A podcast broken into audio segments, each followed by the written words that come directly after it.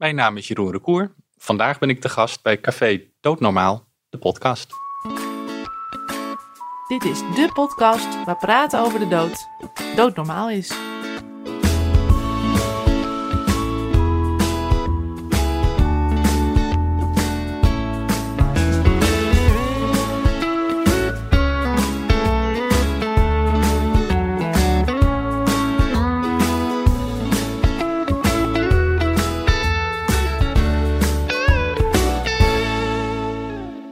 Vanuit het centrum van Amsterdam heet ik je welkom bij weer een nieuwe aflevering van Café Doodnormaal, de podcast. Mijn naam is Gerard Ekemans en tegenover mij zit zoals altijd Sebastian Hattink. Dit seizoen hebben we het over euthanasie bij dementie, een complex onderwerp. Wat gaan we vandaag behandelen, Sebastian? Nou, in de vorige aflevering hebben we met Marino Arends gesproken. En daar ging het eigenlijk al een beetje over de euthanasiecode die is opgesteld door de toetsingscommissie. En deze aflevering gaan we eigenlijk dieper in op dat onderwerp. Dus we gaan het hebben over de euthanasiecode. En wie kan dit beter doen dan de voorzitter van de regionale toetsingscommissies euthanasie, Jeroen Recour. Jeroen, welkom. Dankjewel. Jeroen, zou je ons kunnen uitleggen wat de euthanasiecode is? De euthanasiecode, de eerste is opgesteld in 2015. Toen heet hij ook in goed Nederlands Code of Practice, handleiding. Uh, en daarin staat wat de belangrijkste overwegingen zijn van de toetsingscommissies bij het toetsen van een euthanasiegeval. Uh, dus het is vooral een boekje uh, wat heel praktisch is en vooral zekerheid geeft aan artsen, maar ook patiënten. Op het moment dat euthanasie speelt, dan weten ze, dan kunnen ze daarin slaan, opslaan en kijken, hey, welke voorwaarden moeten we nu aan voldoen? Je zou zeggen dat die voorwaarden eigenlijk ook gewoon in de wet staan. Ja, maar goed, zoals iedere wet is een wet een, een generiek product, zullen we zeggen. Die kan niet in ieder individueel geval voorzien. Dat is onmogelijk. Zo specifiek zijn wetten niet en zouden ze ook onwerkbaar zijn. Dus die wetten moeten ook een zekere duiding en uitleg krijgen. Uh, en dat uh, doen wij aan de hand van onze oordelen. Maar die oordelen die zijn wat minder goed toegankelijk voor iedereen. Het zou een enorm zoekwerk zijn om in al die duizenden oordelen te gaan kijken uh, wat nou precies uh, van toepassing is, vandaar dat we de grote lijnen in dat boekje hebben gezet. En dat, is, uh, dat werkt eigenlijk ontzettend goed. Zelf als toetsingscommissie pakken we er ook voortdurend bij. Wat hebben we eigenlijk zelf gezegd? en het belangrijke daarvoor is natuurlijk dat het, het is geen wet, die code. Je kan ervan afwijken. En dat gebeurt dan ook af en toe. Artsen wijken ervan af. En ook wij als toetsingscommissie hebben soms voortschrijdend inzicht. Of er is net weer een casus die niet helemaal past op die code. En daarom moeten we die code eens in de zoveel tijd ook weer bijwerken. Uh, om uh, om uh, up-to-date te blijven en het functioneel te laten blijven voor de praktijk. Namelijk, we slaan de code op. Als ik me hier aan hou, dan heb ik het goed gedaan. En je noemt het al een aantal keer. Het is een, het is een fysiek boekje. Je hebt er voor je liggen. Het is, ik vind hem enerzijds nog best wel dik. Anderzijds denk ik, het gaat best wel over een heftig onderwerp, euthanasie. ja, hoe, hoe zijn jullie hiertoe gekomen? Nou, deels gewoon praktisch. En deels ook omdat het heel belangrijk is dat er zekerheid en rust is rond die uitvoeringspraktijk. Artsen moeten weten waar ze aan toe zijn. Patiënten moeten weten waar ze aan toe zijn op het moment dat euthanasie speelt. Is daar onzekerheid, dan is dat voor alle partijen heel onwenselijk. Artsen, niet in de laatste plaats omdat ze vervolgd kunnen worden. Uh, het Openbaar Ministerie kan meest verstrekkende geval voor moord vervolgen. Dat zwaard van Damocles wil je niet boven het hoofd van een arts hebben hangen. Ja, dat hangt eigenlijk altijd, eh, maar zo ver mogelijk weg. En dat doe je met die code. Namelijk, hou je aan die code, dan ben je in belangrijke mate zeker. Ik zeg, ik zeg daarbij in belangrijke mate, want OM houdt natuurlijk wel altijd de eigen bevoegdheid om te vervolgen. Dat, dat is, dat is de, de, eerste reden. Maar nogmaals, ik, ik ben eigenlijk zelf heel enthousiast over die code. Uh, die heeft wat mij betreft ook eigenlijk is misschien wel een voorbeeld voor de rest van alle toetsingscommissies, uh, tuchtcommissies, misschien zelfs wel de rechtspraak. Omdat je jezelf daarmee in zekere zin ook wel vastlegt. Je geeft aan de praktijk duidelijkheid. Hier, zo denken wij. En het is, eh, nogmaals, je kan ervan afwijken, maar dit is de grote lijn. En dat, ik hoor eigenlijk alleen maar enthousiaste reacties daarop. Dus ik zou eigenlijk ook met de boer mee op willen. Uh, tuchtcolleges, whatever. Kijk eens naar onze code en kijk of je dat ook niet in jullie vakgebied kan maken. Nou, staat hij in iedere boekenkast van iedere arts? Dat zou moeten. Dat zou moeten. Hij is meegestuurd destijds met medisch contact. En wijzigingen doen we ook via medisch contact. En medisch contact is toch wel het blad wat iedere arts krijgt. Desalniettemin is de bekendheid bij artsen nog niet optimaal. Wel bij consulenten, eh, maar niet hè, de consulenten als in degene die de euthanasie moeten toetsen. Die kennen hem eigenlijk bijna allemaal. Daar zit hij wel heel goed tussen de oren. Maar de artsen die de euthanasie uitvoeren, die hebben hem nog niet allemaal uh, als bekend. En daar valt nog wel wat te winnen. Ook door de consulenten overigens, want de taak van de consulent is natuurlijk ook de arts die de euthanasie uitvoert, uh, wijzen op, nou ja, tips geven en, en, en in de procedure ondersteunen, hem of haar. Dus ook de, de, consulenten zouden wat reclame voor de code kunnen maken. En verder wij als toetsingscommissie euthanasie willen ook nog wat meer bekendheid geven aan die code. Want is die code enkel relevant voor uh, professionals of ook voor de gewone mens? Nou, het is, we proberen het in zo begrijpelijk mogelijk Nederlands op te schrijven. Um, dus op het moment dat je ouder of jezelf, jezelf, jezelf, dat is niet netjes Nederlands, maar of je, of je zelf denkt aan euthanasie, dan zou ik zeggen, sla hem eens op. Hij is gewoon prima te vinden op onze website van de Toetsingscommissie Euthanasie. Uh, en er staan hele relevante uh, zaken in. Ik denk dat het, hoop in ieder geval, dat het heel geruststellend werkt. Hè. Het straalt, als ik het lees, een grote zorgvuldigheid uit. En dat is ook de bedoeling. Want die euthanasie in Nederland moet ook met grote zorgvuldigheid worden uitgevoerd. Want de toetsingscommissie stelt de, de code op. Er worden geen externe partijen bij betrokken. De code is het product van onze toetsingen, onze oordelen. Dus het kan ook niet anders dan dat de samenvatting daarvan door ons gebeurt. Wil niet zeggen dat we in een vacuüm staan. We zitten, we, toetsingscommissies functioneren we. Uh, nou ja, de meest belangrijke organisaties zijn nog het Openbaar Ministerie en de Inspectie voor de Gezondheidszorg. Hè, want aan hen moeten we melden als het niet zorgvuldig is. Uh, dus ook uh, met hen hebben we dan ook gesprekken en contacten over ze geeft die code weer wat hij weer moet geven. Maar dat geldt niet alleen voor hen, dat geldt ook voor de expertisecentrum euthanasie of andere relevante derden. We horen graag, en dat staat ook een oproep in de laatste code 2018, staat ook als u opmerkingen heeft, feedback, laat het ons weten. We willen niet, niet alleen uh, in de wereld staan, we willen dat uh, in grote samenhang met anderen doen. Om meerdere redenen. Kwaliteit wordt er beter van. Ik denk dat dat het belangrijkste is. Maar ook op het moment dat wij eigenzinnig onze mening door zouden voeren uh, en daarbij andere partijen van ons zouden vervreemden, dan kan inspectie of de, het OM zeggen, ja, hartstikke leuk dat jullie dat zeggen, maar wij gaan lekker toch vervolgen. En dan zijn we veel verder weg, want dan is het doel van die code, namelijk zekerheid geven, is verdwenen.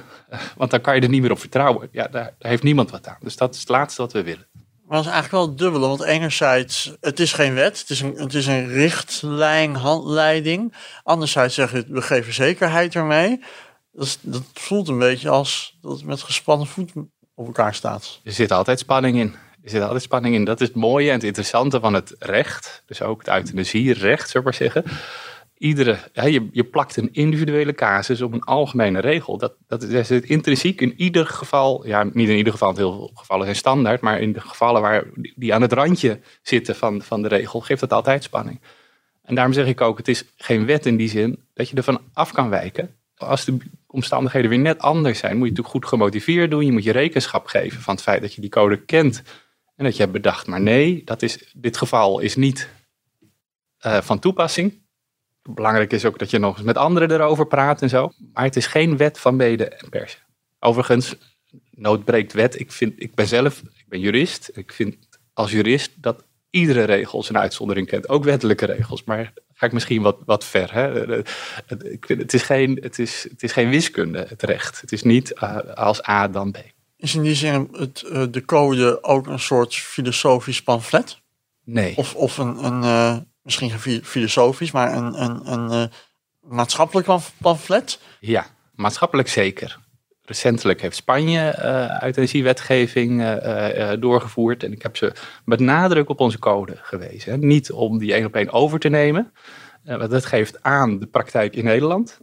Maar wel om te kijken, kijk, zo is dat, dat in de loop der jaren ontwikkeld. En zo is dat neergeslagen. Zo geef je helderheid. En werk nou ook toe naar zo'n code. Ga dat meteen vanaf begin af aan, geef zoveel mogelijk helderheid. En zo'n Spaanse code, als ze die ooit zouden opstellen, zou een andere code zijn dan die van ons, uiteraard. En dat is ook maar goed ook. Maar al die codes bij elkaar zou een heel mooi beeld geven van hoe er gedacht wordt in de verschillende samenlevingen over euthanasie. Want uh, jullie passen hem aan als er een, een, een vraag op. Is dat enkel bij vraagoproep onder casus? Want heeft Jacob Koomstam ons ooit uitgelegd hoe dat zit? Dat is wel het meest aannemelijk. Ja, je past hem aan op zaken die, die, waar de zaken op scherp staan. Heel veel zaken, bijvoorbeeld bij een, een, een ouder iemand met vergevorderd eh, stadium van kanker en zo, daar geeft niet zoveel vragen. Maar ook daar kunnen vragen eh, eh, bij, bij opkomen. Hoe moet het infuus worden geplaatst of zo? Ja, dat kan een heel standaard zaak eigenlijk zijn. Maar 9 van de 10, misschien wel 99 van de 100 keer komt dat bij de vraagoproepende zaken. Zaken waar je van tevoren vragen hebt, hoe moet dit nu? En een voorbeeld is natuurlijk de, de casus van Marinou Arends. Zou je eens kunnen aangeven, wat, wat, wat pas je dan aan aan de code? Naar aanleiding van die casus. Ja, die casus is wel heel specifiek eh, en heeft heel grote gevolgen, namelijk uitspraken van de Hoge Raad. Ja. Daar kom ik zo op, want dat is veruit de grootste aanpassing die we nu gaan doen aan de code. Want de code staat weer op punt eh, geactualiseerd te worden, daar zijn we mee bezig. Maar dat is niet alleen op die casus dat de code geactualiseerd. We zijn ook aan het kijken welke voorwaarden stellen we nu aan de onafhankelijkheid van artsen die, eh, die, eh, die euthanasie moeten verrichten ten opzichte van de artsen die, die als consulent optreden. Daar komen we ook in de praktijk gevallen tegen waar, waar, waar het een beetje schuurt. En op dat punt gaan we de code ook weer wat scherper maken. Dus het is op, om een veelheid van onderwerpen waar we de code weer aanscherpen aan de hand van dingen die we in de praktijk de afgelopen twee, drie jaar tegen zijn gekomen. Maar natuurlijk de grootste aanpassing is de aanpassing eh, die moet gebeuren naar aanleiding van de arresten van de Hoge Raad. Die aanpassing is voor een belangrijk deel al gedaan. We hebben niet gewacht op de algemene aanpassing, die we iedere twee, drie jaar doen, hè, de actualisering. Maar we hebben gezegd, dit is zo'n grote wijziging. En het doel van die code is duidelijkheid en helderheid geven aan de praktijk. Daar gaan we niet een jaar wachten om die helderheid te geven, dat doen we eerder.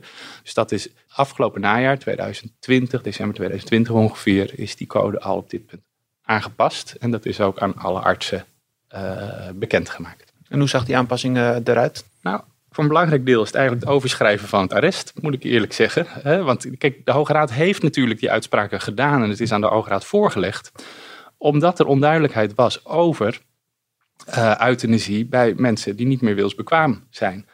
Dat is de reden eh, dat de Hoge Raad die, duidelijk, die arrest heeft gewezen om die helderheid te geven. En dan is het niet meer aan ons om daar iets anders over te vinden. Dus voor een belangrijk deel hebben we dat gewoon overgeschreven en in de code genomen. Dat neemt niet weg dat ook de Hoge Raad niet alle onduidelijkheid weg kan geven. En dat over de arresten van de Hoge Raad zelf ook weer gediscussieerd kan worden. Ja, dat is het lastige, maar ook wel het mooie aan het recht. Dus je blijft enigszins, aan de ene kant is de helderheid gegeven, aan de andere kant blijft natuurlijk discussie houden. Wat bedoelt de Hoge Raad precies? En dus ook weer ruimte om in die code enige interpretatie neer te leggen. Ja, want dat blijft het natuurlijk wel een interpretatie. eh. Ja. Ja. Het is zoeken naar wat heeft de wetgever bedoeld. En dat zoeken doe je aan de hand van het concrete geval, waar de wetgever natuurlijk nooit precies over heeft na kunnen denken.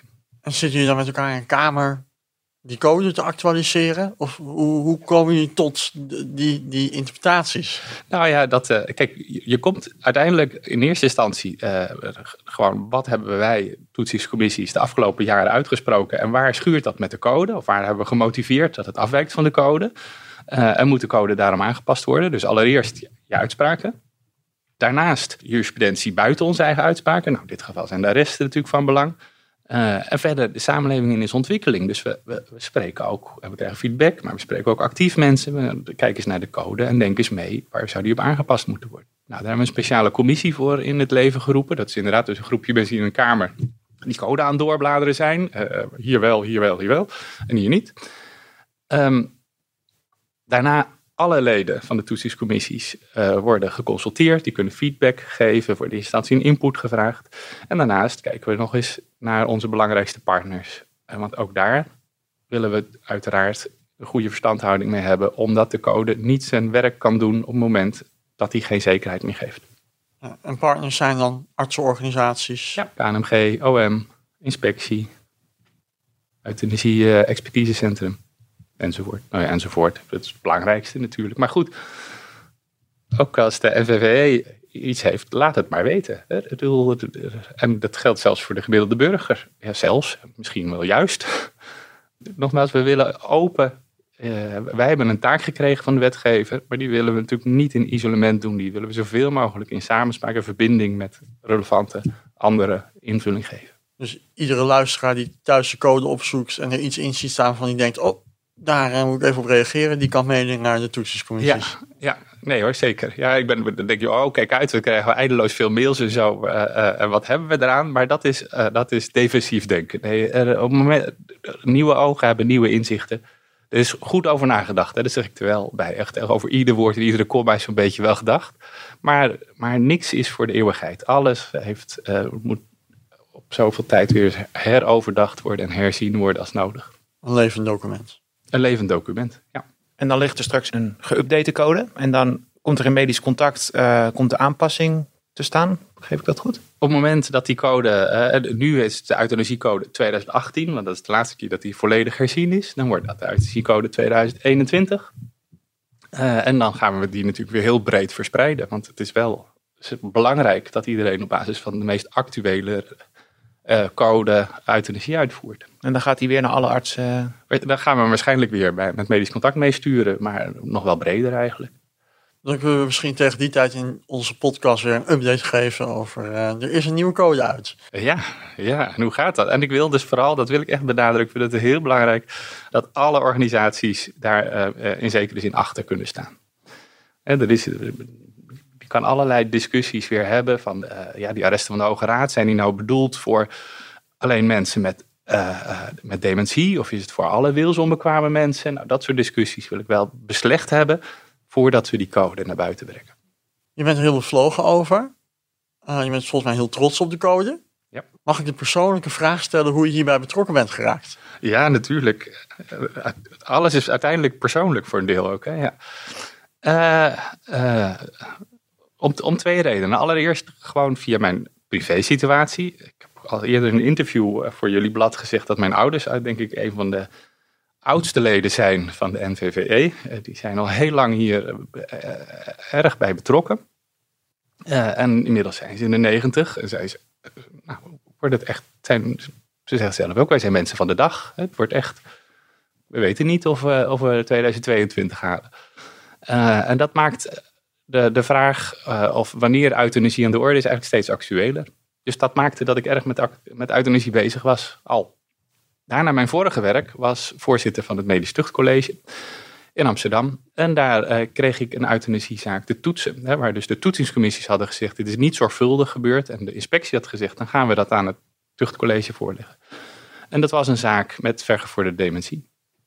En toen ben ik eh, diepgravend erin gaan verdiepen, uiteraard, want dat moet. En dat heeft eh, helemaal wakker gemaakt, mijn, mijn betrokkenheid. En misschien de laatste is nog wel, ik ben ook politicus.